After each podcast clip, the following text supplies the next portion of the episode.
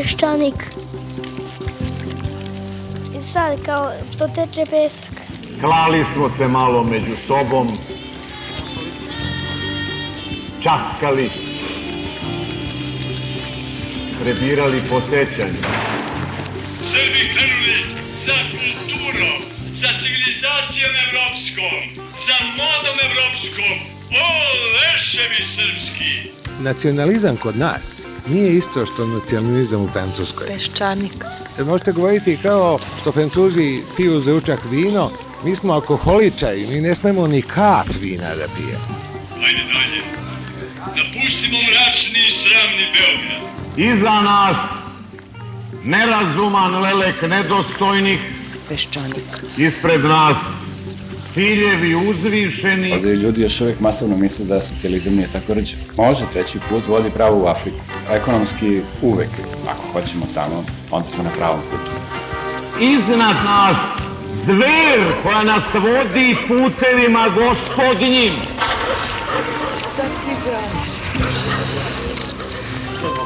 I da ne zatvorim oči, Peščanik. ja mogu da zamislim Srbiju kao najdinamičniju zemlju na Balkanu i jednu košnicu sa malo trutova i puno radilica. Ako ne uspemo, niko nam neće biti kriv. I dugo smo, dugo još putovali. Dakle, mi smo izgubili 5. oktobar, da tako kažem. Nepredviđeno. Na televiziji vidim da se i rezultat drugog svjetskog rata promenio. Ugleda smo u bistroj vodi naša lica Prema tome, ja očekujem da će Srbija krenuti u nešto novo tek kad pobedi Turke na Kosovo. iznenada briznu smo u plaću. Peščanik.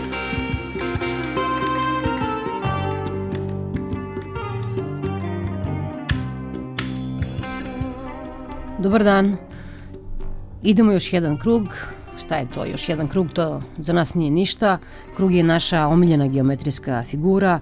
Pođeš iz jedne tačke i u nju se s olakšanjem vratiš. A šta rade naši kandidati? Kandidat Nikolić istog onog dana kada je sricao pismo evropskim ministrima, koje izgleda nisu ni dobili, golo pismonoša je negde majka usput, E, Dakle, u tom pismu je on rekao kako je on uzoran evropljanin, a da je Boris Tadić njihovu decu potrovao sa 600 kg droge. Istog tog dana on se ispovedio Zagrebačkom vjesniku da i dalje, kad spusti glavu na jastuk, sanja Veliku Srbiju. Tako da, dok njegov šef u Hagu počeli iscrtava granice Karlovac, Karlobag, Virovitica, Nikolice nada, rekao je vjesniku da će jednog dana radikalski san o Velikoj Srbiji i dosanjati. A onda se Nikolić zaputio po glasove na srpsko selo, obilazi velike kokoške, velike krave i nemanje ovce. Boris Tadić kampanju nastavlja u Briselu, gde bi drugde, i to ruku pod ruku sa Vojislavom Koštunicom. Ljudi su inače nešto nezadovoljni načinom na koji je demokratska stranka podržala Tadića. Ja lično mislim da je i to previše. Ovo je već riskantno po fi psihofizičko zdravlje predsednika vlade. Čoveku bi prepuklo srce da je rekao još samo jednu reč. Tadiću i to dovoljno, i ta podrška, i način na koji je podržan. Lepi Boris o svemu vidi najbolje i najlepše, a Labusu je opet sve malo, nešto je strašno ljut ovih dana. Izgleda da vidi da je đavo odneo šalu za G17 Plus i sad očekuje da gnusna demokratska stranka sa njim podeli odgovornost za sve što vlada nije i što neće dobro uraditi u svojoj kratkoj, ali burnoj istoriji. Imam 13,3 razloga da budem zlobna, ali neću. Ja sam dobra, negde u dnu duše, ali Pera Luković nije uopšte. Ja nisam bio Beogradu, bio sam u Beču. Prvo nisam mogao da poverujem od sreća da je samo 13 van 3, ali mislim da je bilo super. To je jedna, jedna, da kažem, jedna od lepših političkih vesti posle šest meseci. Ja sam pre odlaska na put, ja sam naravno kao i svi ostali pratio tu kampanju. Pratio sam jednostavno tu, tu sreću, nevjerojatno da sam gledao njihov prvi miting u Kruševcu. Onaj čuveni miting, onaj što da zovem Noise, onda su svi urlikali, ono, Koštunica urliče, Labus urliče, Belja Ilić urliče, Vuksanović urliče, to je bilo potpuno vika i to, ne, ne znam, potpuno bilo nepojavno. Petor ljudi onako dođe, viče, mafija, nećemo da glasamo za mafiju, bla, bla, bla.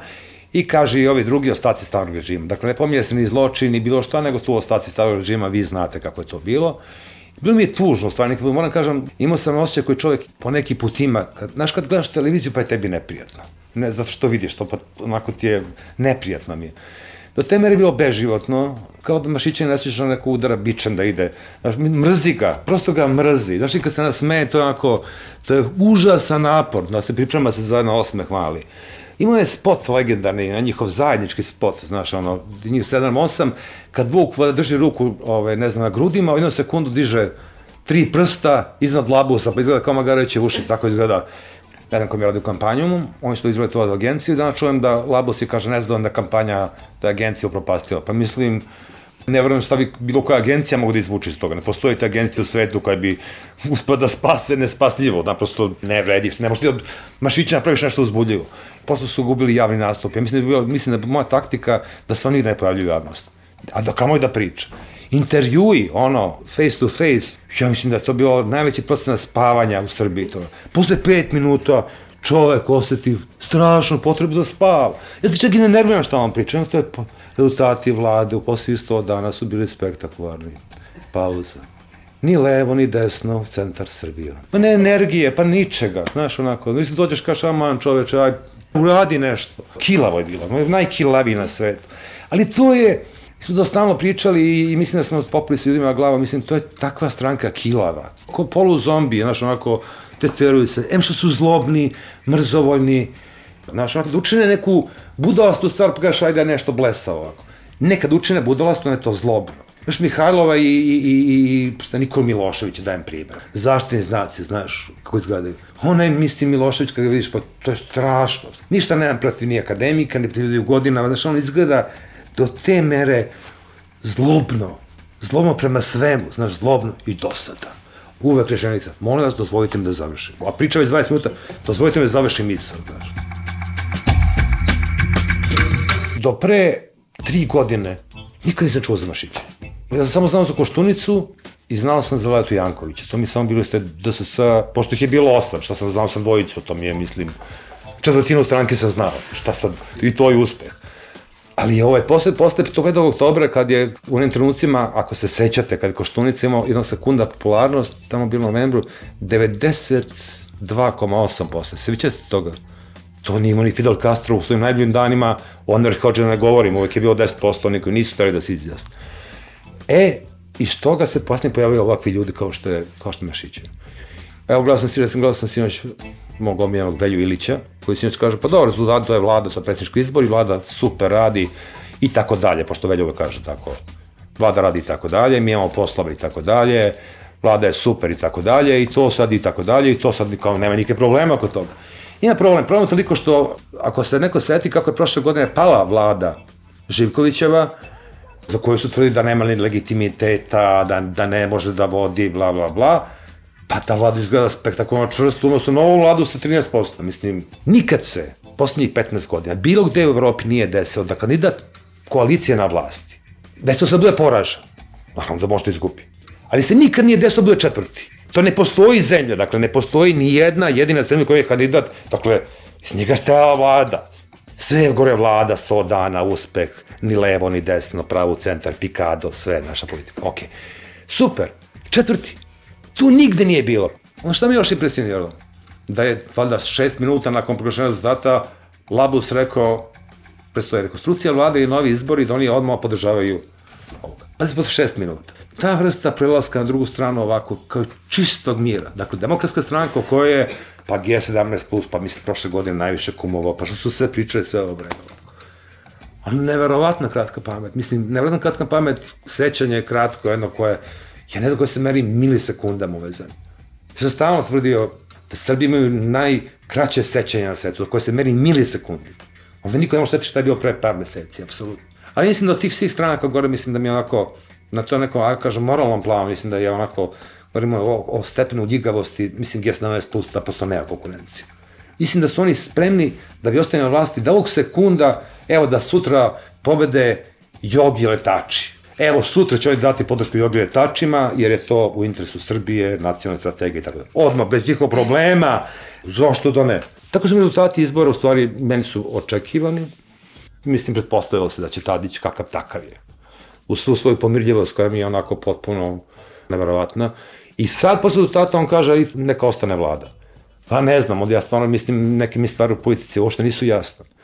Ako ta vlada do juče nije valjala i da se demokratska stranka nije glasala za neke zakone i da govore o tome kako vlada loša i da sad odjednom, ne znam, govorimo o kohabitaciji, o suživotu, već ne znam o čemu, i sad govorimo o tome da ipak vlada mora sad da se napravi. Ja to, meni to baš ne previše nije jasno. I onda mi nije jasno kakve su vizije Tadića. To mi ošte nije jasno. Sem ove opšte priče, ne znam, volim ljude, životinje, decu, sve to ovako super, sve mir u svetu. Naprosto ne mogu da, da budem do te mere pomirljiv.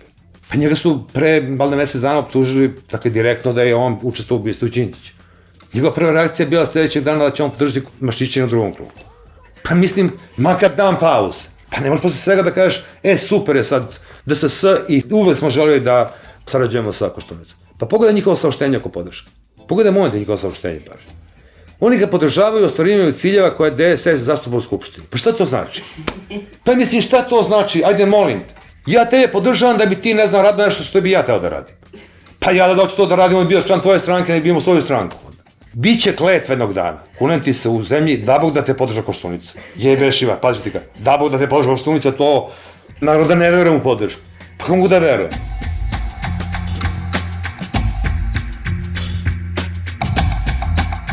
A s druge strane, mislim, kako čovjek da veruje se u podršku Slobodana Vuksanovića? Ajde, moj, mislim, ovo što je jedna potpuno nebitna, užasna, možda najodvratnija figura koja postoji.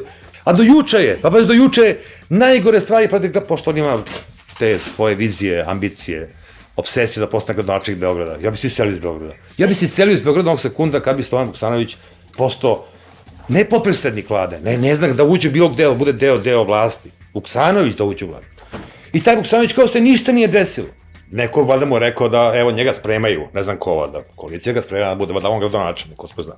I sad on gde god da pozovu, šta god kaže, gore on odmah kao afere su u gradskoj vladi i to. Dobro, pitaju ga ljudi, ja ne znam, čitam, koje su afere? I kaže on, one mermane ploče u maš, ulici Maršala Tita se kaže odvajaju.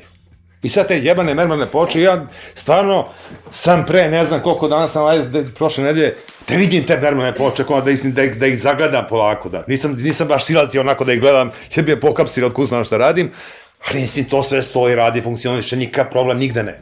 Njegove su primetbe, gradi se garaža, kako nije gotovo, pa ne može gotovo za mesec dana.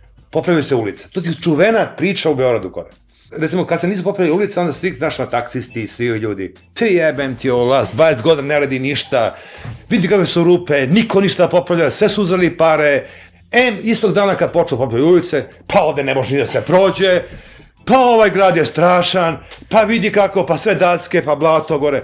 To je mentalni sklop DSS. To je mentalni sklop tih ljudi. Mentalni sklop. Njima ništa ne volje. Postoji stvar koja njega može zadovoljiti.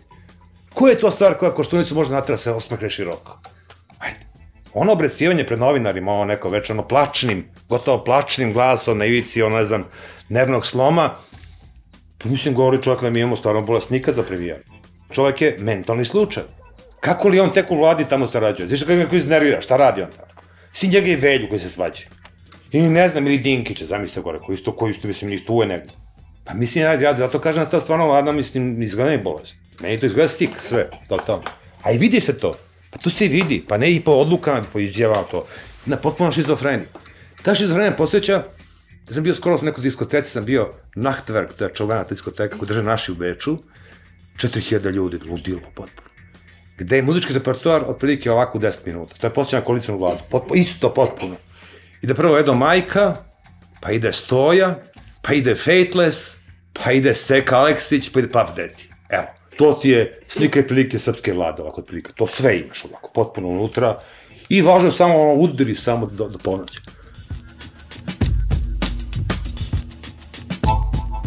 Koga će DSS podržati u drugom krugu? Da li pa sam rekao, ja mislim da sam odgovorio na vaše pitanje. Mene ne zanima šta se dešava u vašoj kući, a želim najveći deo sastanka se tiče organizacije stranke.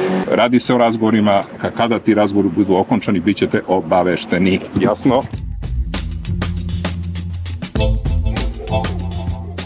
Si bejsbol kampanju Kariće.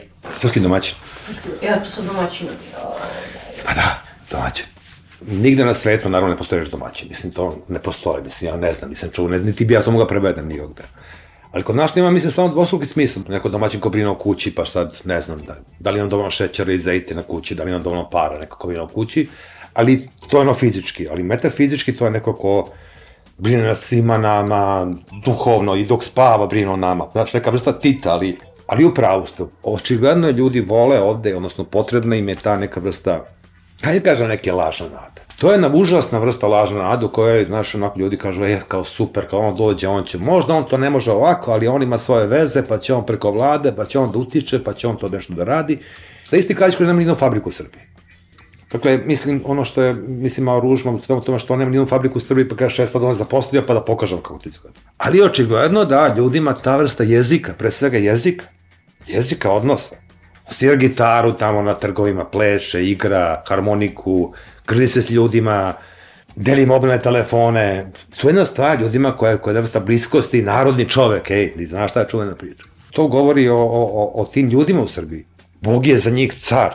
Vi ste videli svi te likove koji, su, koji ga ljube, grle ga, kako izgledaju ti ljudi. To jeste možda malo tužno, ali to je slika koja to je slika i prilika Srbije. Dakle, ti imaš radikale koji su ono hardcore, to je kao vojska disciplinovana, imaš Karićeve, ove druge koji su malo tako, takvi su kao što jesu. Se plaše svega i svačega i njima je to kao neka nada, sad će kao Karić da otvori sve fabrike ovde. Znaš, to je onako malo strašno. Demagogija čisto. Mislim, te, ja razumem ljude koji se ne mogu uputiti za Lalavića i za Mašićanine, to, to logično, to ne može niko. Šta mislim, demokratska stranka sa Tadićem, kao što jeste njegovim obećanjima, ja to naprosto ne, ne znam, to mi je neka vrsta utopija, onako potpuno, onako sve mi fino, onako, znaš, ko hipi pokreto. Svi smo mi braća, znaš, mi u svetu, sunce izlazi sutra, zaglavljeni idemo, znaš, mislim, to mi je onako isto potpuno nerealno u ovoj zemlji. I ako već moram da biram, onda, ajde, ovo vrsta populizma mi je, ajde mogu da je razumem, ispostavno sam živao u Milošćević režimu, pa znam te ljude, nego glasati za Mašićanina. Zaprosto to što on je, ovo je potpuno prazno. Ovo je baš šarena laža. Karić je šarena laža, jedna velika, ali ovo je, mislim, ovo je mračno. Ali je strašna je slika Srbije kad sve neko sabereš. Kad sabereš radikale, te Karića i kad sabereš Mašićanina, ti imaš jedan, skoro dva, sam u pravu, skoro dva miliona ljudi u Srbiji za koje se teško može reći da su, ajde, proevropske nastroje, za koje se teško mogu reći da, da imaju nekakve, da su obrazovani, da su željni nekog znanja, nekih kontakata, mi, dakle, dva miliona glasača u Srbiji konstantno, pa konstantno mi imamo dva miliona glasača koji su potpuno problematični, ajde kažem mentalno problematični. To je jedan, jedan mentalni sklop, jedan užasan mentalni sklop koji postoji ovde, koji je potpuno, potpuno otporan na bilo koje utice sveta. Jer ja nisam baš previše sam siguran da DSS intimno, duboko u sebi ne žali zbog odluke što nisu ušli u koaliciju sa radikalima u decembru i siguran sam, gotovo to mogu pouzdno, znam da će jedan veliki broj birača DSS-a i pored preporuke ove direktne, čuvene, ove fantastične preporuke, da neće glasati za, za Tomu Nikolića. To je ono što, što je, mislim, neka naša budućnost možda izvesna, to je da će kad sve, kad sve se opcije crpe, na kraju ćemo doći do onog što jeste, dakle da, da je DSS samo frakcija u stvari radikalne stranke.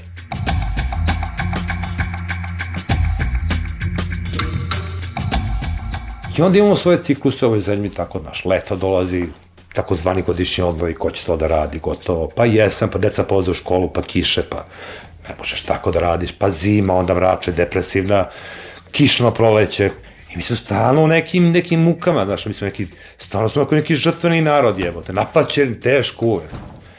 Kao da ostale zemlje nemaju ni zimu, ni leto, ni jesen, ni proleće, znaš, samo kod nas to, te uvek imamo neke nepogode, nešto strašno se nama dešava.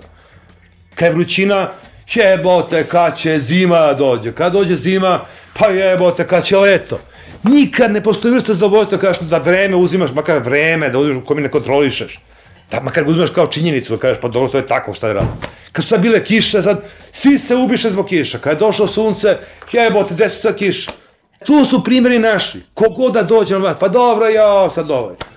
Evo, ja mislim da da je jednog grešaka, Goštunice, evo moram to da kažem, to je isto jedna, je, upravo na tom nivou vremena njegovog greška. Što on stvarno sam mislio, sad, ne znam, sad će legino svedočenje, pa će tu sad, čuvena priča, beba, čeda, droga, to će sad ljudi da shvate.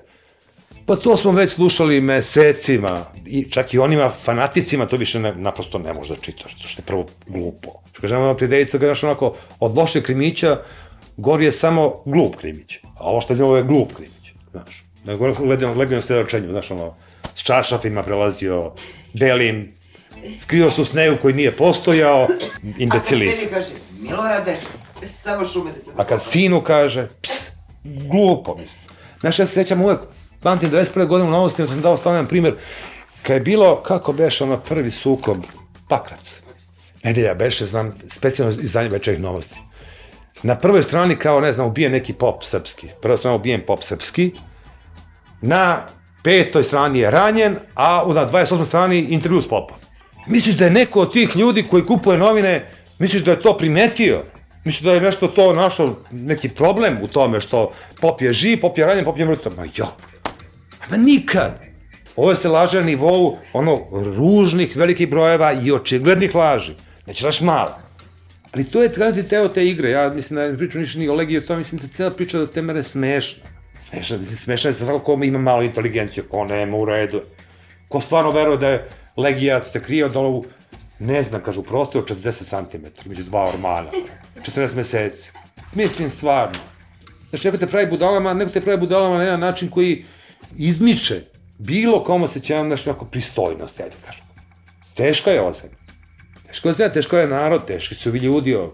Prosto ljudi bi ih hteli i ne bi hteli. I volili bi i ne bi volili. I jesu i nisu. I da glasaju i da ne glasaju. I hoće u Evropu, ali neće u Evropu. Hoće tranziciju, ali na njihov način. Znači, ovde je sve, ali.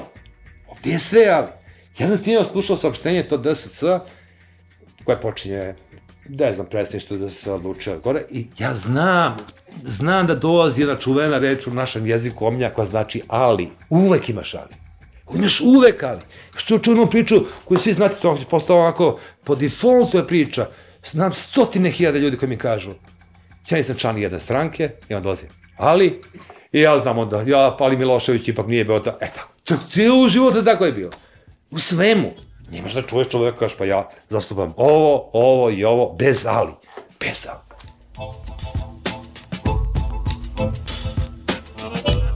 Čitajte radio na b92.net. Peščanik.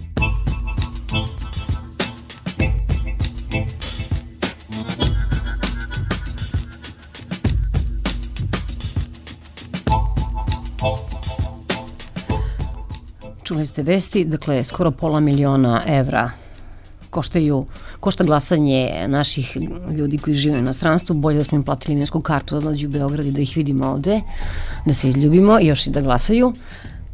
A, da, bit će veoma zanimljivo saznati, to ćemo saznati iduće nedelje, ko je sve bio posmatrač, ko je sve putovao na naš račun od posmatrača u, pogotovo u London i Pariz, naravno to je zgodne i lepe gradove.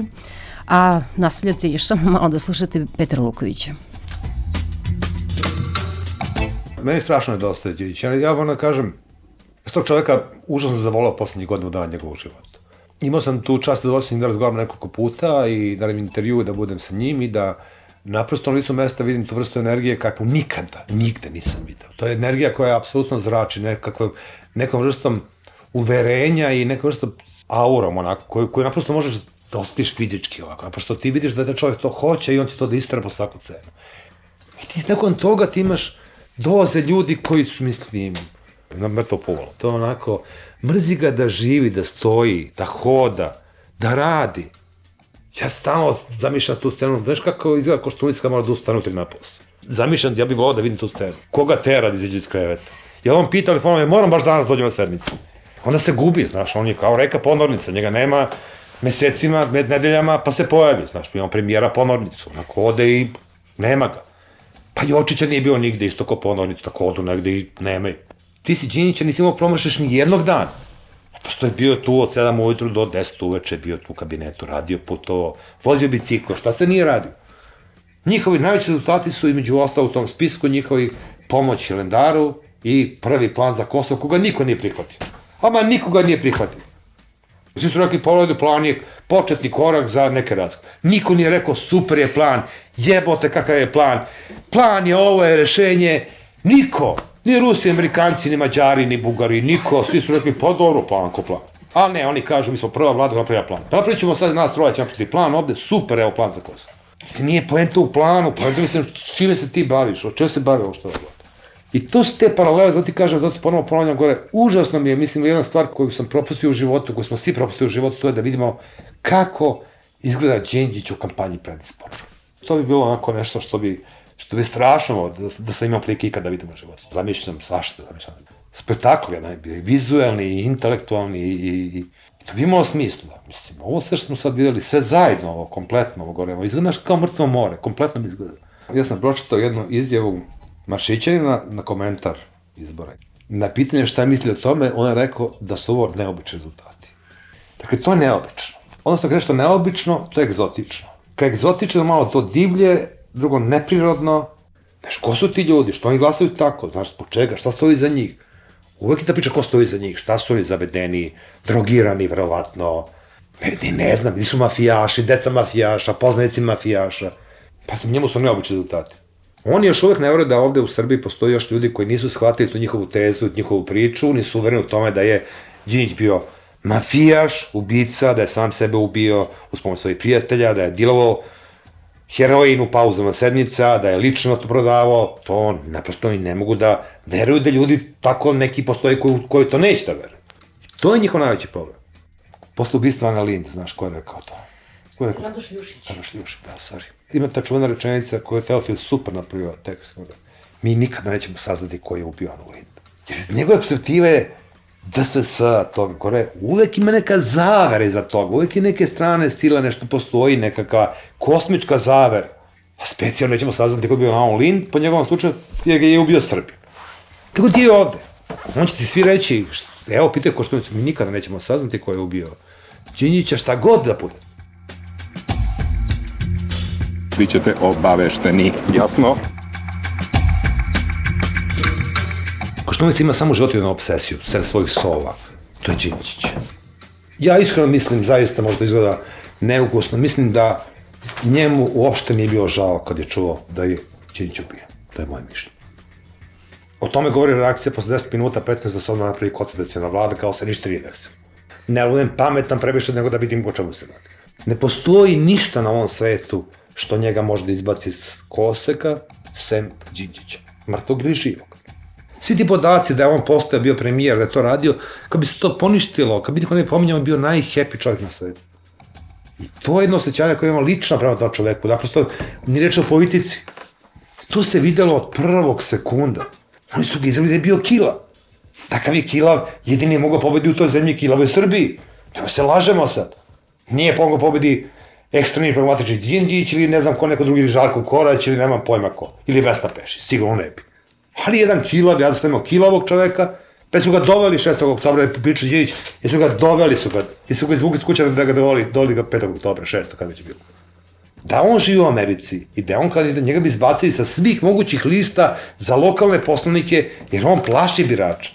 Može da igra u horror filmovima, može da glumi grofa Drakulu, može da igra neke, neke serijske ubice, karijera je glumačka njemu super, ali politička nije. Naprosto nije takav tip.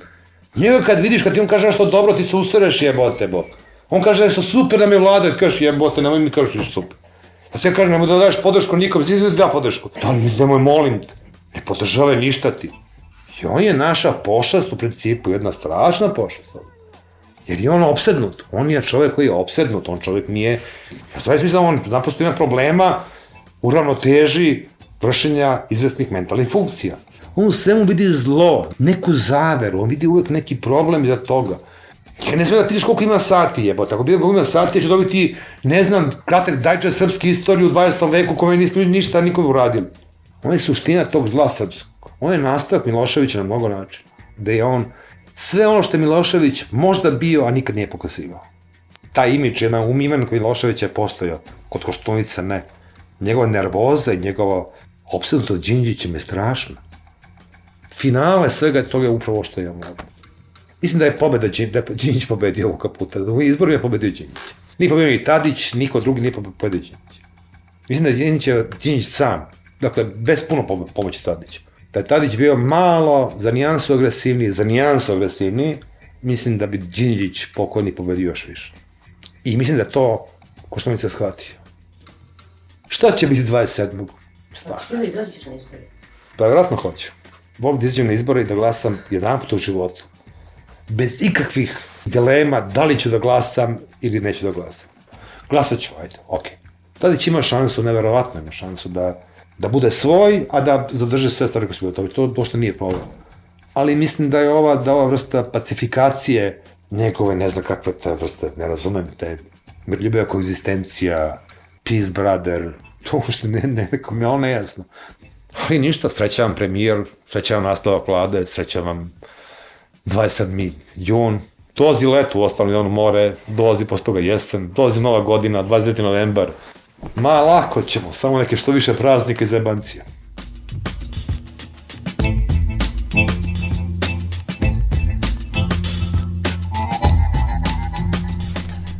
Bio je Petar Luković, a sada ćete čuti Ivana Milenkovića.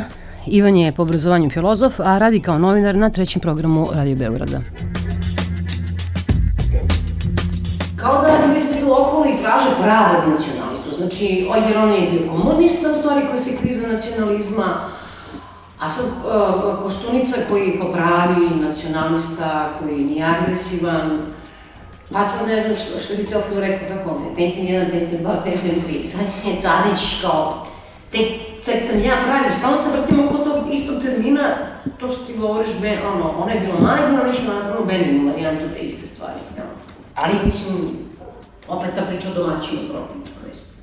Pa nema, nema, nema benigne varijante nacionalizma, nema benigne varijante patriotizma. Pitanje je sad naravno zašto ljudi insistiraju na tome.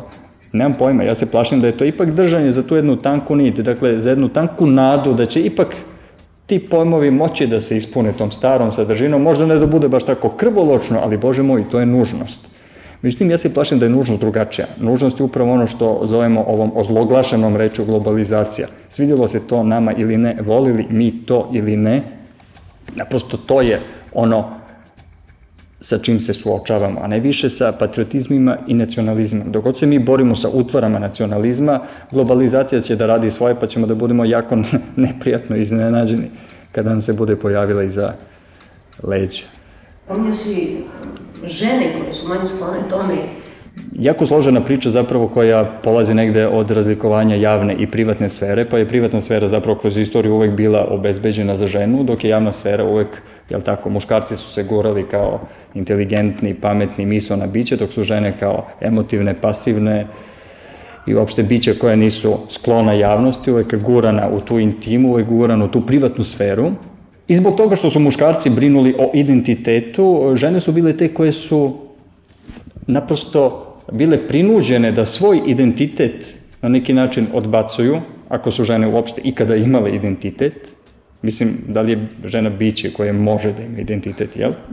Polazimo od tog pitanja. Dakle, žene su naprosto menjale prezimena i kroz taj razvoj vrste, zapravo su, čini mi se da su žene e, stekle neku rezistenciju ka tim identiternim pričama ka nekom čvrstom držanju za nekakav identitet koji je naravno opet jedna, jedna socijalno-politička utvara. Žene su dakle menjale imena, odnosno prezimena sa lakoćom, smatrale se to normalnim. Žene su bile te koje su napuštale rodni dom, rodnu grudu, tle, mesto na kojem su rođene, odlazile su negde drugde i naprosto kroz vekove su one morale da već unapred budu sviknute na odricanje od nekakvog čvrstog identiteta koji se zapravo ispostavlja jednom muškom pričom. Priča o identitetu je par excellence muška priča. Identitet jeste nekakva sraslost sa samim sobom, ali pošto je to suviše abstraktno određenje, onda se pozivamo na tlo, na zemlju, na krv, na rođenje.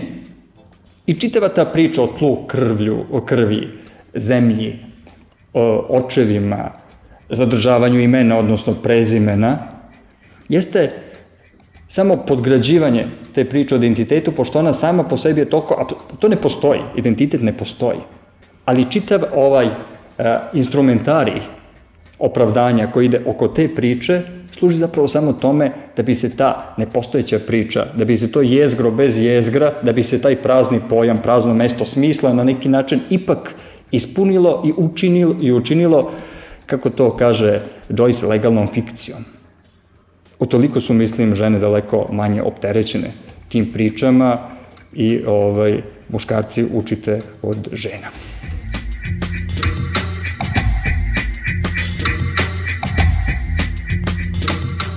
kad govorimo o identitetu neke vlade, to je dakle jednakost između onoga što oni jesu i onoga što oni čine. Budući da ova vlada uglavnom ne čini ništa, to je savršen identitet. Mi smo takvi kakvi smo, dakle mi ne želimo da budemo drugačiji zato što smo sjajni, mi smo prirodno dobri, dakle evo nas, korupcije više neće biti zato što mi nismo korumpirani, zato što smo po prirodi dobri. Dakle, to je opet problem sa epohalnim sudarom.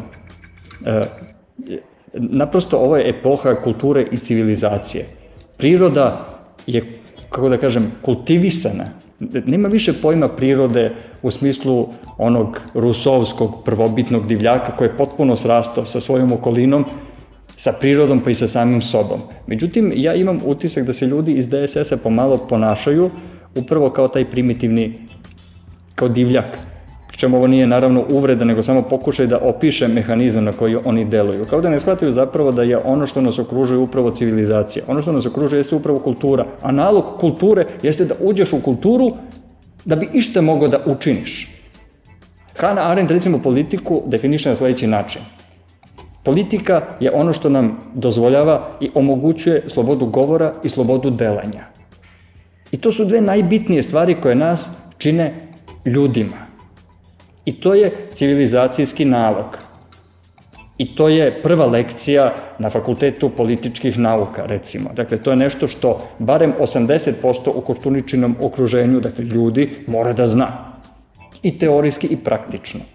Međutim, i teorijski i praktično, e, ti ljudi, nažalost, postupaju prvo suprotno. Upravo kao ovaj Rusov divljak Oni su srasli sa prirodom, sa svojim tlom, sa svojom zemljom, sa svojim ljudima, sa svojim sveštenicima i sa svojom crkvom, pri čemu je civilizacija za njih, čini mi se, ipak kao neki daleki šum u kojoj se baš ne snalaze najbolje. Kao da se plaše da uđu u civilizaciju, jer će kao u onim trećerazrednim filmovima naprosto da umru od smoga i od zagađenja, budući da žive u jednom rezervatu čistote, dobrote, i potpune neporočnosti. Nažalost, nije tako. To je mnogo zanimljivo da je Mihajlo krvožedni, imao krvožedni nastup da bi malo ulio da bi malo ulio, ulio krvi svome beskrvnome kandidatu, kao onaj napitak Danone. U reklamama imamo onu ličnost koje, imamo ljude koji nestaju i onda popiju Danone i postaju vidljivi, postaju od krvi i mesa. E pa nesreći Maršićanin nije imao vremena da gleda reklame, pa je Mihajlo se tu našao da mu pripomogne, da mu malo, kao što kaže, da transfuziju, jel?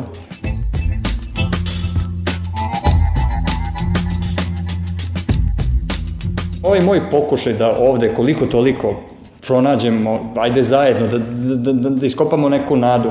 Mislim, više leži u tome što mislim da i u ovom trenutku Kao i u onom trenutku posle parlamentarnih izbora, po mojom mišljenju, bilo je jako važno da se oformi vlada, pa čak i sa socijalistima, i čini mi se da tu nismo pogrešili uprkos tome što je daleko od dobrog, tako i u ovom trenutku mislim da je mnogo važnije da ova vlada izdrži još neko vreme, neka to bude ograničeno recimo nekakvim fantomskim ustavom koji vjerojatno neće biti donesen. Dakle, ovaj moj izbruh dobre volje prema nečemu što ni intimno, ni intelektualno, ni na koji, ne, ni na koji način ne osjećam bliskim, jeste upravo, čini mi se, taj politički nalog da u ovom trenutku, svemu uprkos, ova vlada treba da ostane i da obavlja tu vlast koliko god i ovakva kakva je. Jer mislim da je to manje zlo nego uh, vanredni parlamentarni izbori i opet nekakvo prilično izvesno bojenje radikala. Kada sam kazao da je to manje zlo, pa čitavo moderno doba, a možda čak i pre modernog doba, zapravo počiva ne na nekom pozitivno određenom dobru, nego na upravo na izboru između manjeg i većeg zla. Tadićev račun bi mogao da bude sasvim politički. On kaže sledeće, raspisivanjem parlamentarnih izbora moja stranka postaje u ovom trenutku verovatno, ako ne najjača, a onda verovatno najuticajnija stranka u zemlji. Uprkos tome što imamo jedan jak politički rezon, možda ne bi loše bilo i ovaj drugi politički rezon zadržati, a koji kaže da ukoliko bi se ova vlada održala uprkos krizi legitimiteta, uprkos krhkosti, uprkos mogućnosti da relativno lako padne, uprkos tome što zapravo nije uradila Bog zna šta, da bi njeno održanje ipak pomoglo u nekakvoj, ako ne, smanjivanju e, te, te radikalske plime, onda ipak nekakvoj pacifikaciji. Jer što duže, što više vremena prolazi, radikali se ipak na neki način pacifikuju. Ja mislim da u ovom trenutku oni nisu dovoljno pacifikovani i zato mislim da su ekstremno opasni još uvek. Ali ipak su manje opasni nego što su to bili pre godinu dana, a još manje opasni pre nego što su pre 5. oktobra. Zato mislim da u narednih godinu dana oni će nužno po sili stvari morati još više da se pacifikuju. Pa čak i ako se desi da kroz godinu dana oni još značajnije na neki način imaju uticaj u ovoj zemlji, to će biti manje pogubno nego da se to desi danas.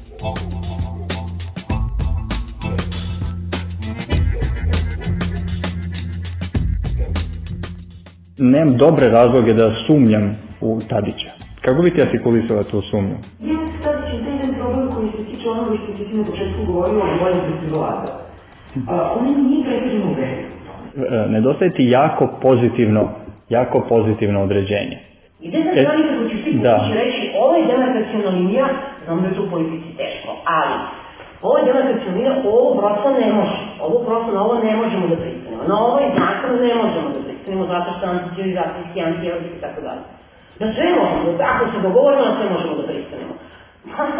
Malo je previše kooperativan čini. Znači, Gaša Petrović je jedan mlađi sam borio, da ovi svi su dobili instrukciju od njega ili da Zavićevi nisu kao ništa, nego kao da vi će pomen Gaša Petrović da će taj zakon biti usvojen ili ne. Tako da je, ne znam, ne znam ko, uopšte ne znam ko je čovjek, stvarno ne znam ko je čovjek, pa meni se ne važni kao političar koji, dobro, možda. Možda, ne znam. Tadić u tom trenutku, u, u ovom trenutku svakako unosi jednu drugu vrstu govora, pa čak i jednu drugu vrstu delanja. Jel da? I to je možda za nas nešto relativno novo. Ne znam, naprosto razmišljamo zajedno. E, kako ti zamišljaš, ne samo političku scenu, nego kako ti zamišljaš kako ćemo da živimo sad ovde, mislim, taj javni život, kako da kažem, sa sledećih mesec, dva, tri, pet, šest, osam, jedanest. Ok, pa zaista. Zašto, zašto da držimo, kako je držimo? Opet zavisi od toga ko će, ko će da pobedi 27. jel? U slučaju pobede Nikolić je prilično izvesno šta će da bude, jel tako? Mu da svi znam, ali još. Pa ne, oni su rekli, neće ništa na da ne tako. Ništa neće da nam pobedi. Ako Tadić pak pobedi, kako zamišljam? Pa upravo tako. Imamo čoveka koji malo podržava vladu, malo je bocka, umeđu vremenu radi na jačanju sobstvene stranke, pokušava da pacifikuje ili na neki način da marginalizuje radikalnu stranku i ništa, otaljavamo narodnih godinu dana upravo tako. Pri čemu ja uopšte ne mislim da je to najcrniji mogući scenarij, jel?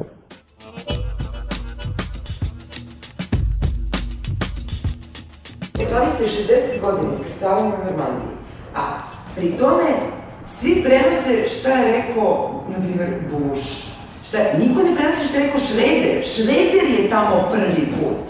Nemac je došao i rekao je, moj tata je poginuo na Rumunskom frontu. Ali mi smo shvatili. Jesi došao ti je Nemac i u stvari sad svi Srbi kao, a šta bre ta Normandija, šta Bitalema, jer mi ni onda nismo radili. Nemoguće personifikovati narod jer ne znam šta je narod. Mislim, narod ne postoji, legalna fikcija. Ali opet kad se vozim vozom, čini mi se da ja nekako dolazim u neposredan dodir sa narodom. I taj narod počinje da priča nepitan o tome kako mu se raspada jetra, kako je bio na nekim operacijama, kako se deca razvode, ubijaju. Kad putujem vozom, to je potpuni užas. E sad, ta zagledanost u sobstveni pupak jednog naroda, shvaćenog na ovaj način, po slučajnom uzorku izabranom u vozu, je ili posledica teške nesreće ili posledica užasne frustracije. Dakle, tek te dve stvari dovode do toga da ništa, nikog i ni po koju cenu ne vidiš izvan sobstvenog pupka. I onda naravno postaješ autističan. Ova vladajuća kombinacija danas, jel tako, sa akcentom na DSS, Plašim se da upravo tako postupa, a zbog onih neraščićenih odnosa sa tlom, sa zemljom, sa krvlju, sa nacijom. I to rezultira time, odnosno upravo ovom pričom recimo o iskrcavanju u, u Normandiji. Tamo su se desile neke strašno bitne stvari, neke fine nijanse su tamo protnute na jednom jako visokom političkom nivou koji se nas užasno tiče, a da je ovde to tek prošlo kao jedna uzgredna vest u nedostatku krvoločnih, krvoločnih stvari. Mi možda ne moramo da volimo globalizaciju veliki svet i to je stvar našeg, svakog, to, to je izbor svakog pojedinca, ali moramo, a naročito naša politička elita mora da razume šta se dešava u tom svetu. Pa ona mora da razume šta to znači kada se jedan Vladimir Putin pojavi prvi put, dakle, jedan Rus se pojavio na ceremoniji proslave iskrcavanja u Normandiji. Prvi put se pojavio jedan Nemac, je tako, nemački vođa, i prvi put se to događa u jednoj situaciji koja sva varniči od napetosti. Mali detalj, ali užasno važan. Na toj proslavi e, nije se pojavio sadašnji ministar unutrašnjih poslova Francuske, Dominique de Villepin, bivši ministar inostranih poslova, čovek koji je održao fantastičan govor u e, Savetu bezbednosti Ujedinjenih nacija pre nego što su Amerikanci i Britanci napali, e, napali, napali Irak.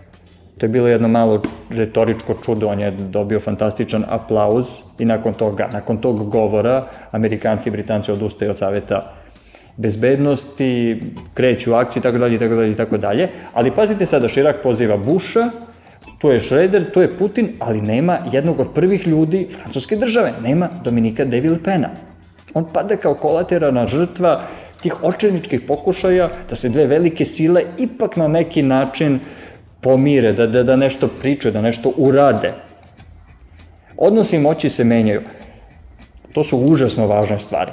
To su užasno bitne stvari, to su zapravo bitne teme. Ja ne kažem da ovo nije bitno za nas, mislim, dođe nam Toma Nikolić, kako užasno nam je bitno, ali uprkos našoj muci, uprkos tome što me boli slepo crevo, ja ipak moram da pripazim malo i na čitav organizam, moram da pripazim na svog saputnika u vozu. Mislim, bitno je zbog mene. Naprosto, ne vidim analitičare da tumače tu, da pišu o tome, da razmišljaju o tome. A to su teme koje se nas najživotnije tiču. Tiču nas se u onoj meri u kojoj nas se tiču ne samo sobstveni izbori, nego čak i nešto što nam je bliže. Mislimo šta ćemo da jedemo, koliko nam je plata. Dakle, to je u direktnoj vezi sa tim. Ta veza, pa upravo je to ono što se zove globalizacija. Pa nije to nikakva utvara, nisu to nikakvi fantomi. Mislim, globalizacija je to. Znati šta se događa u ovom trenutku 7000 km daleko od tebe, jer to što se događa tamo direktno ti dolazi na vrata sutradan. Plašim se međutim da ova konstelacija domaća, domaća politička elita, oličena pre svega u vladi, ili da kažem pre svega u DSS-u ne razume to dovoljno dobro, zato što se još uvijek bave nacijom, sveštenicima, tlom, krvlju. I to je onaj naš loš usud. Malo više politike bi nam super došlo. Zvuči paradoksalno, ali tako je, ovde zapravo nema dovoljno politike, nego ima gatanja, proizvoljnosti, neznanja, gluposti, loše volje i nada sve katatoničnog sna.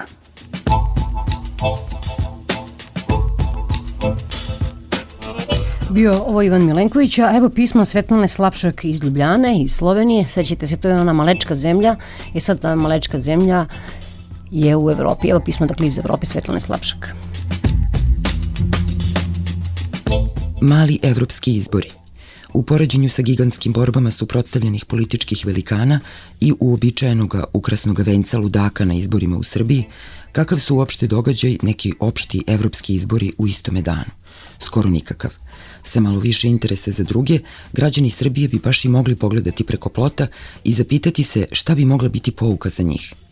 Prvo su paralele – Recimo da su novi građani Evropske zajednice skoro isto toliko nezainteresovani za izbor svojih predstavnika u Evropski parlament, koliko i građani Srbije za izbor svoga predsednika, i to i jedni i drugi po nekoliko puta. No, građanska umrtvljenost građana novih evropskih država ima druge razloge, pre svega otupljenost tranzicijskim grozotama i kraj utopije koju pametniji evropski političari ne pominju suviše često, kraj demokratije. Romano Prodije, kako i pristoji vodećem evropskom političaru, odmah izrekao kritičku ocenu da su građani novih evropskih država na izborima pokazali svoje nezadovoljstvo razvojem društava u kojima žive. U ostalom, sada je članica Evropske zajednice i Latvija, zemlja u kojoj petina stanovništva nema puna građanska prava, kao što su pasoš i pravo glasa. Ruska manjina.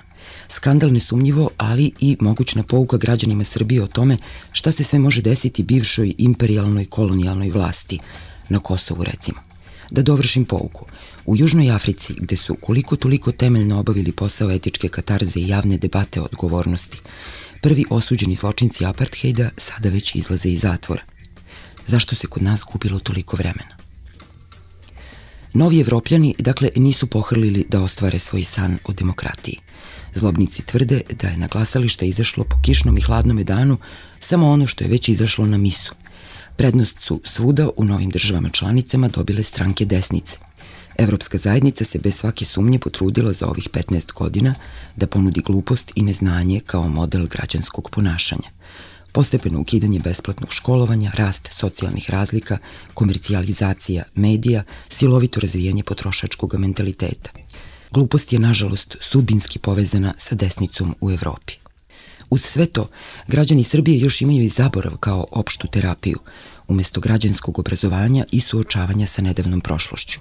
Čak i ako gledaju preko plota, pitanje je mogu li išta videti. Tu svaki paralelizam prestaje.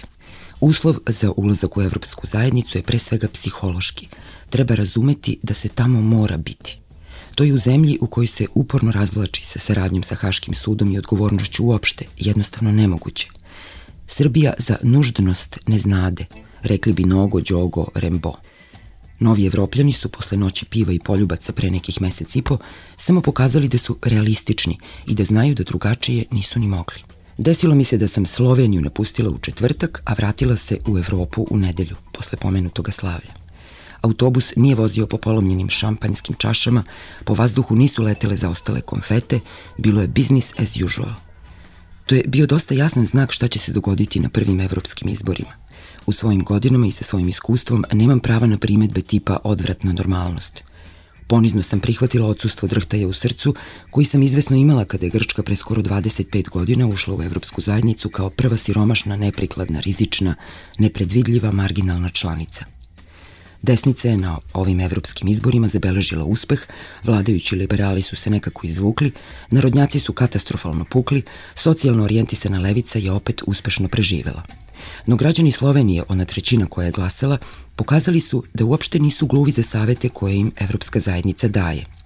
Izabran je sasvim zadovoljavajući broj žena, premda ženska stranka kao takva nije uspela – Ukratko, rezultati izbora su toliko u domenu normalnoga i realnoga, da je već narednog dana morao da se dogodi vrhunski politički skandal. Dimitrije Rupel, sadašnji ministar spoljnih poslova, čovek koji je probao da se ugura u sve partije i na sva plaćena mesta između vlade i akademije, stavio je svoj potpis kao prvi na listu nečega što se zove Zbor za Republiku i što okuplja zgodan izbor desnih političara i intelektualaca – Liberali koji su zaista dugo pod nekom vrstom narkoze nisu smogli ni toliko snage da nestašnog ministra ekspresno šutnu iz svoje stranke, bar ne u prva 24 sata. Nešto dakle nije sasvim u redu sa stranačkim životom u Sloveniji. Slovenačkim liberalima preti neprijatno buđenje, građanima preti nastavak noćne more od pre dve godine koja je trajala šest meseci, kada je desnica parlamentarnim trikom dobila vlast. Jedino što se sada bar može uživati kada u istome političko-administrativno-kulturnome prostoru gledamo kako socijalisti pobeđuju na lokalnim izborima u Francuskoj, sa kolike će visine tresnuti Berlusconi, koliko se ugruvao Hajder i na druge lepe trenutke najveće državne zajednice na planeti. I to je nešto. Peščanik. Repriza subotom od 16 do 17. Čitajte radio na b92.net. Peščanik. U nastavku, nastavku Peščanika slušate istoričara Nikolu Samadžića. Nikola je profesor na Filozofskom fakultetu u Beogradu. Kada se rezimira ishod izbora, očigledno je da je većinsko opredeljenje onih koji su uopšte izašli na izbore u prilog onih koji su direktno proizašli iz Miloševićeg sistema. To su i Nikolić, i Karić, i Maršićanin. Za Nikolića i Karića je to očigledno. Jedan i drugi su na katastrofi ovog društva, na ratovima, na siromašnu, izgradili svoje karijere. Jedan političku, drugi poslovnu, dok je Maršićanin pripadao jednoj sivoj zoni Miloševićeg sistema, budući da se on zasnivao od uvođenja višestranačkog života na stvaranju jedne tobožnje ili kvazi ili pseudo opozicije koje je pripadala i Demokratska stranka Srbije. Ja o tome nemam nikakve naročite podatke, niti mogu da izričito potvrdim od kog trenutka je partija našeg premijera postala integralni deo Miloševićevog režima. Mislim da je to danas većini onih koji razmišljaju bez ikakvih predrasuda o našem političkom životu i našoj budućnosti veoma očigledno. Očigledno je da je ta partija pripremana za ono što se dogodilo 5. oktobra. Očigledno je da je Koštunica štitio i zločnice i službe bezbednosti i samoga Miloševića. Međutim, ono na šta nije računao, a šta se dogodilo, to je bio naravno pritisak i uloga Evropske unije i Sjednjih američkih država. Mislim da se bez njihovog uh, učešća u našem političkom i svakodnevnom uh, životu, taj život uh, ne može osvetliti sa svih strana i mislim da se njihova uloga često bezrazložno podcenjuje. Tako da se danas postavlja pitanje u kojoj meri su obećanje pretnje neposredno Evropske unije uticali na ishod ovih izbora. Mada kod nas postoji jedna pogrešna slika o proevropskom opredeljenju našeg građanstva. Mislim da ono u skladu sa svojim intelektualnim mogućnostima i obrazovnim nivom zapravo nije u stanju da proceni šta bi to bila evropska budućnost Srbije. Mislim da je tu pitanju prisećanje na e, razdoblje relativno materijalnog prosperiteta iz Titovog vremena. Mislim da je to evropsko opredeljenje zapravo jedna prikrivena želja da neko drugi plaća naše troškove, da neko drugi o nama brine, zapravo da opstane uh, jedna vrsta srpskog ili srbijanskog e, komunizma koji se u istorijskim okvirima pojavio kao uh, vrlo snažan politički ideološki pokret još u vreme Kraljevine Jugoslavije, sa kojim u onim najekstremnijim oblicima ni Tito nije uspeo da se obračuna 48-49 kao ni sredinom 60-ih kad je uklonio Rankovića i njegove ubice. Taj kontinuitet socijalnog parazitizma u kojem profitiraju naravno službe bezbednosti, naša vojska, naša policija i čitao to jedno društvo koje je jednom nogom u opanku, a drugom nogom u, u džibarskim patikama, to je taj jedan kontinuitet koji se teško zaustavlja budući da je mentalitet jedna nepromenljiva, jedna lenja istorijska kategorija. Mislim da tu postoji pritisak Evropske unije na vladu, vlada ne znajući šta bi između svoje talibanske i evropske ideologije koje se nekako prepliču, pokušava da pronađe jedno novo spoljno-političko i unutrašnje političko usmerenje. Verovatno ima i ministar u vladi koji vole da putuju po Evropi. Naša ministarka prosvete je veoma olako ukinula deci nastavu engleskog u prvom osnovne, ali pretpostavljam da i ona voli da, da skita po Evropi, pa ne bi volila da se nađe na nekoj listi nepoželjnih, što mislim da je zaslužila. Zašto bi građani koji nisu ni za što krivi čekali u redovima, padali u nesvest, a ona ovde sprovodila izolacionizam, a potom se šetkala po zapadnoj Evropi. Mislim da to ne je bilo pravedno. I sad nije ni evropska birokratija pravedna kao što nije ni naša vlada, bože moj.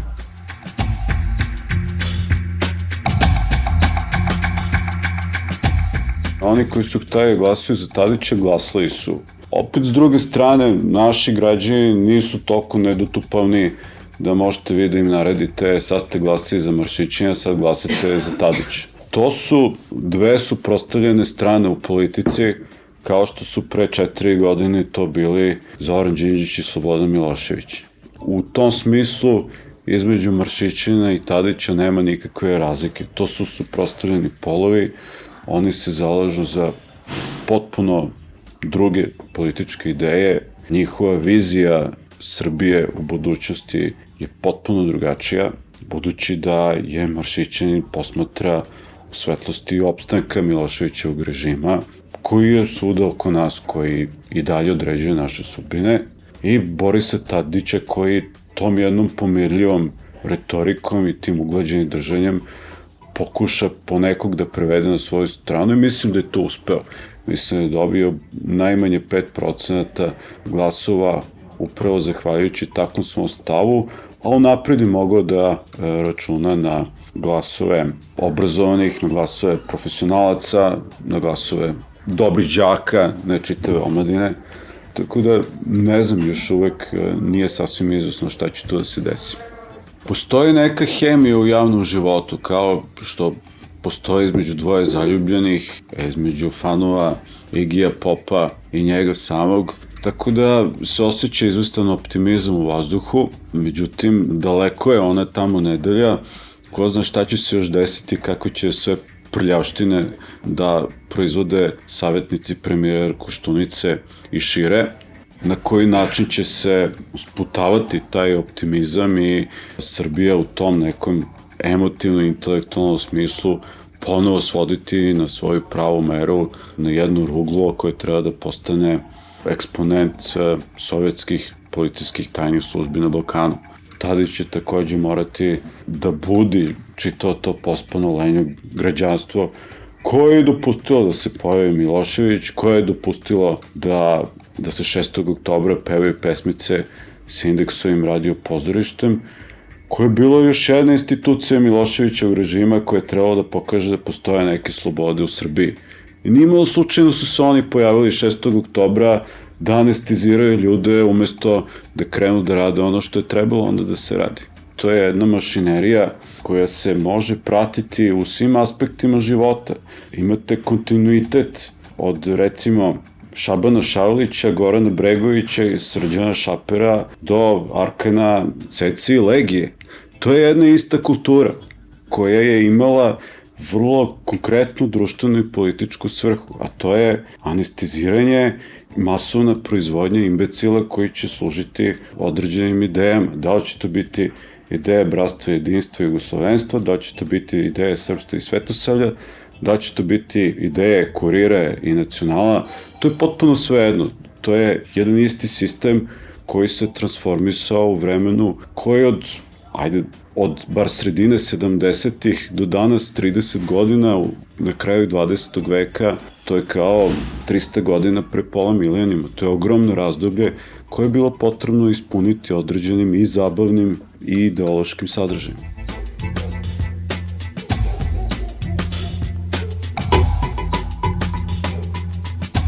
Danas nije jasno šta se zaista 5. oktobra dogodilo. Mislim da je značajnije posmatrati konkretne napore Zorana Đinđića i njegovog kabineta da se Srbija postepeno transformiše. To što su uveli nekoliko velikih evropskih i američkih koncerna, to je velika stvar, jer ih je teško isterati. Oni naravno sobom nose sve one pretnje i iskušenja koje u sobom nosi postkapitalističko doba, ali, bože moj, tamo su ljudi čisti, nose na sebi nove stvari i ne brinu šta će sutra da jedu, imaju čiste bolnice i uredne škole.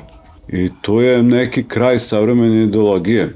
Ovo nije više 68. Ona je jedan put prošla i, i tu nema više šta naročito se promeni. Sve, sve je na pojedincu. Međutim, kod nas postoje istorijske strukture stanovništva koje se bore za svoje prava i privilegije. Srbija je vojnička i policijska zemlja u Hrvatskoj i u Bosni Srbi su pripadali velikim delom istim tim strukturama koje su se prenele ovde, budući da su ti ljudi iz Hrvatske i Bosne proterani. To se sad sve skrkalo u Srbiju i oni ljudi hoće svoje plate, svoje penzije i cecu, a to je ogroman procenat stanovništva. Čitav Novi Beograd je izgrađen kako bi se čitav taj svet tamo naselio i koji će jednog dana pucati sa prozora ukoliko bi se narod pobunio protiv Tita i partije. Znači, čitav jedan grad je nastao u tom smislu. Pa kako mislite da se odjednom ta istorija izbriše? Kako mislite da te ljude zaposle, da, oni počnu što da rade, a ne samo da dremaju kasarnama i policama da pendrače. To je njihov tradicionalni posao, tradicionalni zadatak. Na selu ljudi nose prljave iznočne stvari, ispadaju im zubi, ali najveće veselje prate kad sine ispraćuju vojsku, ne razmišljajući o tome što će on tamo biti maltretiran i ponižavan, što će se možda vratiti u kovčegu, a to smo posmatrali kako se dešavalo.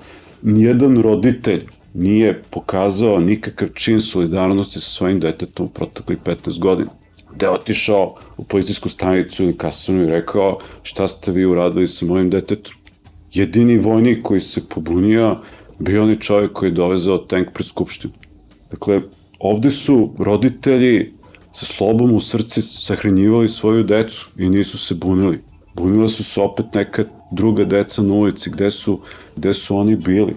Dakle, ljudi čija su deca umirala, nisu pokazali dovoljno solidarnosti sa njima i ostali su privrženi tom sistemu koji im daje na kašičicu, platicu i penzijicu i on ima svoj televizorčić i pije mlako pivo i to je njegova egzistencija. Ako njega baš briga za njegovo dete, pa što bi on brinuo o evropeizaciji Srbije, o reformi školstva, o izgradnji putne mreže, o brzom internetu i svemu ostalom, kad on nije uspeo da osveti smrt svojeg deteta, ako to nije učinio pravni sistem, ako to nije učinio politički sistem, ako se zvanična ideologija u tom smislu nije transformisala, to je ogroman procenat stanovništva. Računajte koliko ljudi nije izašlo na ove izbore, to je više od pola, i računajte koliko ljudi se opredelilo u prilog opstanka Miloševićeg režima.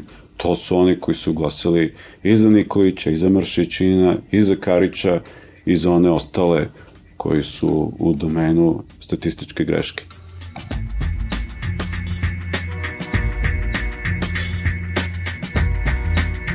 Oni koji abstiniraju su žrtve sobstvenih zabluda da će cinizam prema stvarnosti uspeti da stvarnost ili promene ili da sebe udalje od te stvarnosti.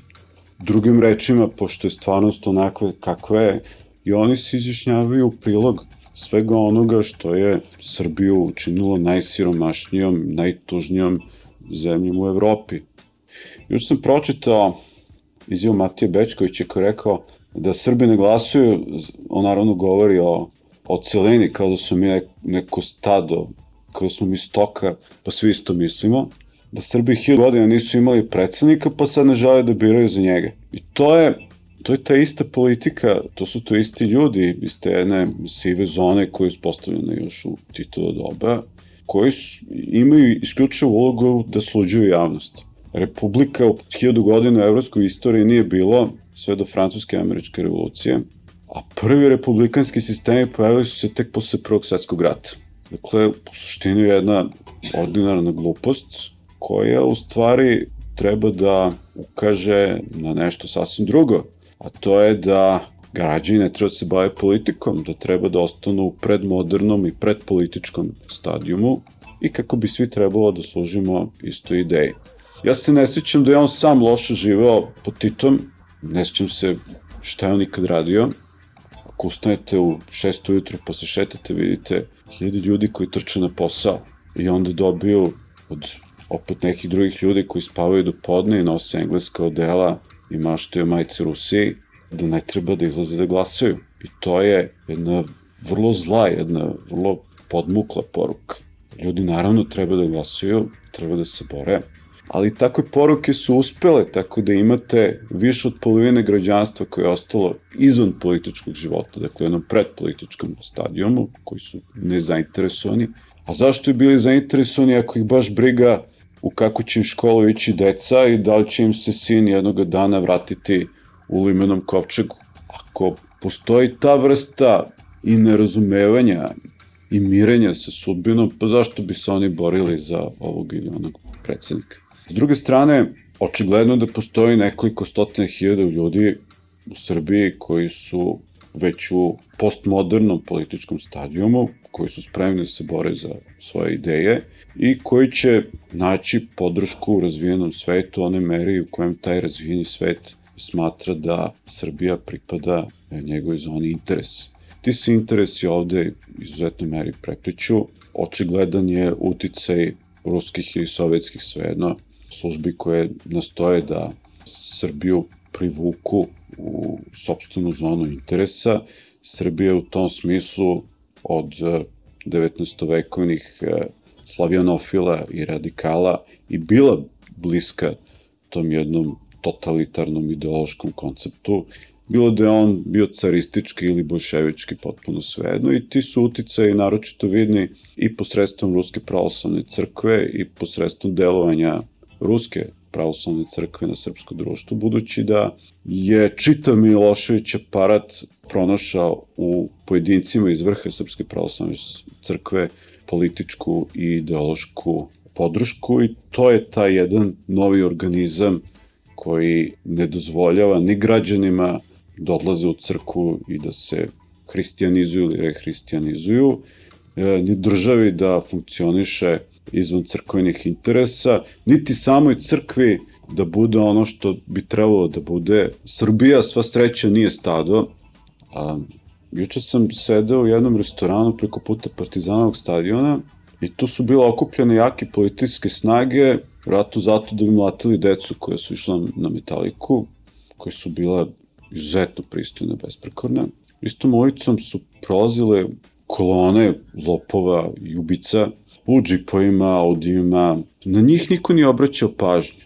Ispada da su zlo u Srbiji oni koji su 23 godine čekali da dođe Metallica, a ne oni koji su 15 ili 23 godine potpuno svejedno Srbiju pljačkali, ubijali samo zato da bi vozili neki nemački automobil ili da bi ih e, grickali komarci ili u Dedinju. To je inače jedan nezdravi, vrlo depresivan kraj Beograda.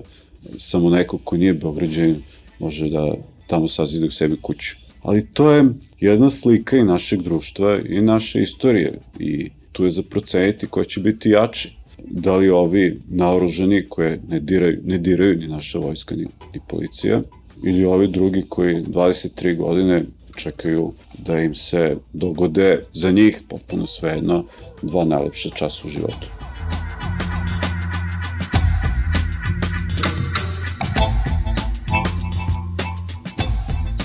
Ja sam pristojica apsolutnih slobode, pa i slobode štampe, tako da mi ne smeta to što prenose Kurir i Nacional, budući da očigledno postoji jedan stepen kriminalizacije u našem domaćem mentalitetu koji je, je deo građanstva učinio potrošačima takvih medija.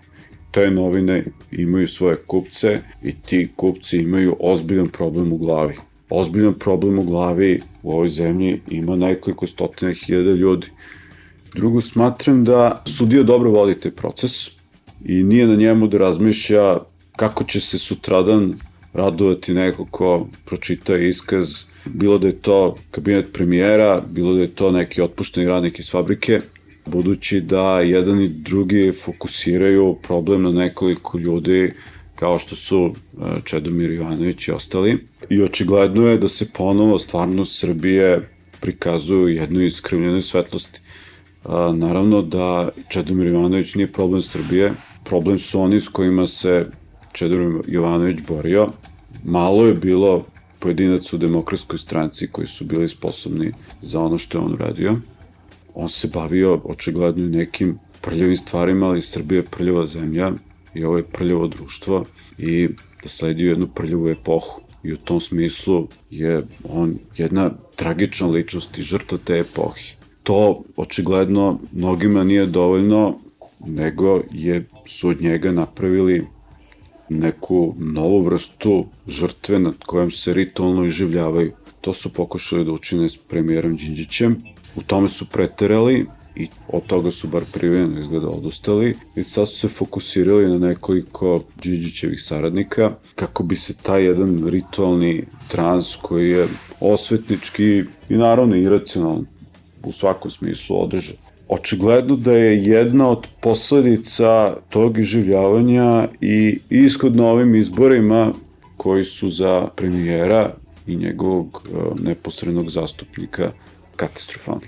Međutim, mislim da je potrebno da proces što duže traje, da se dođe do svih pojedinosti, pa sad ko veruje da je to jedan gospodin čovjek koji je slučajno u pritvoru, kojeg su naši dušmani optužili da je ubio premijera, a on je bio veliki dobrotvor i patriota, bože moj, njih ćete teško promeniti. Oni su jednom zaovek odlutali iz realnosti, iz svakog moralnog sistema i ne verujem da će oni ikada da se privedu jednoj pristojnosti koja nalaže da se stvarnost promišlja ostalom nakon kako jeste.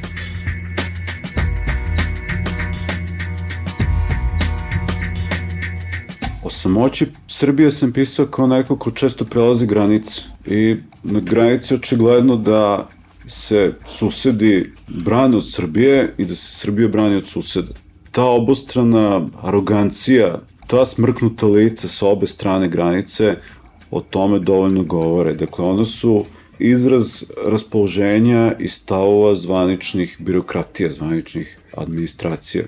Stav od ovdašnje administracije jeste taj da je okruženje Srbije neprijateljsko, da su neprijatelji Srbije oni koji putuju u Hrvatsku, Albaniju ili Francusku, da su neprijatelji Srbije oni koji u Rimu kupe italijanske cipele i da su sve te zemlje zapravo deo jednog imperializma koji se urotio protiv istočnog slovenskog pravoslavnog sveta. To je zvanična ideologija Koštunicine vlade i to je ponašanje koje je nametno i njegov kabinet, i njegovi savjetnici, i njegova štampa, i njegovi mediji, i njegova carina.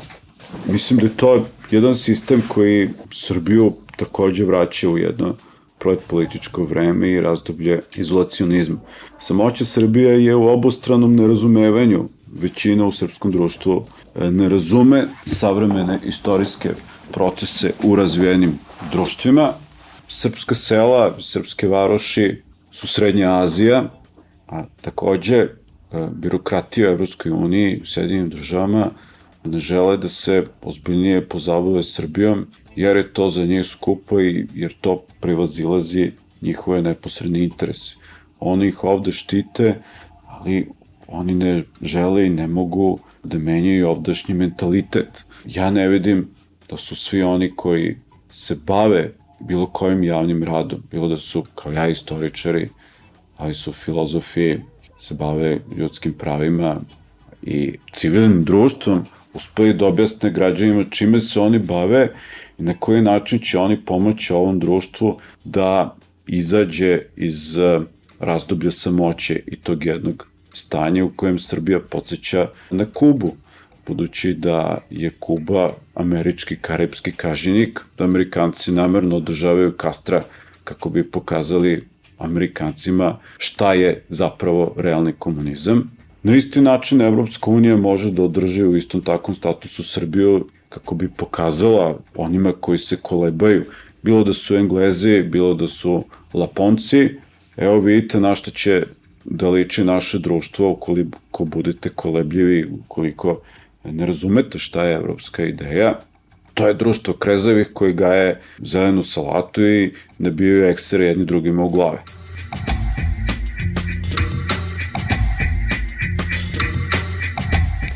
Bio Peščanik, govorili su Petar Luković, Ivan Milenković i Nikola Samadžić. Pozdravljaju vas dva, dve Svetlane, a mi se čujemo idućeg peta. Petka, je li jasno?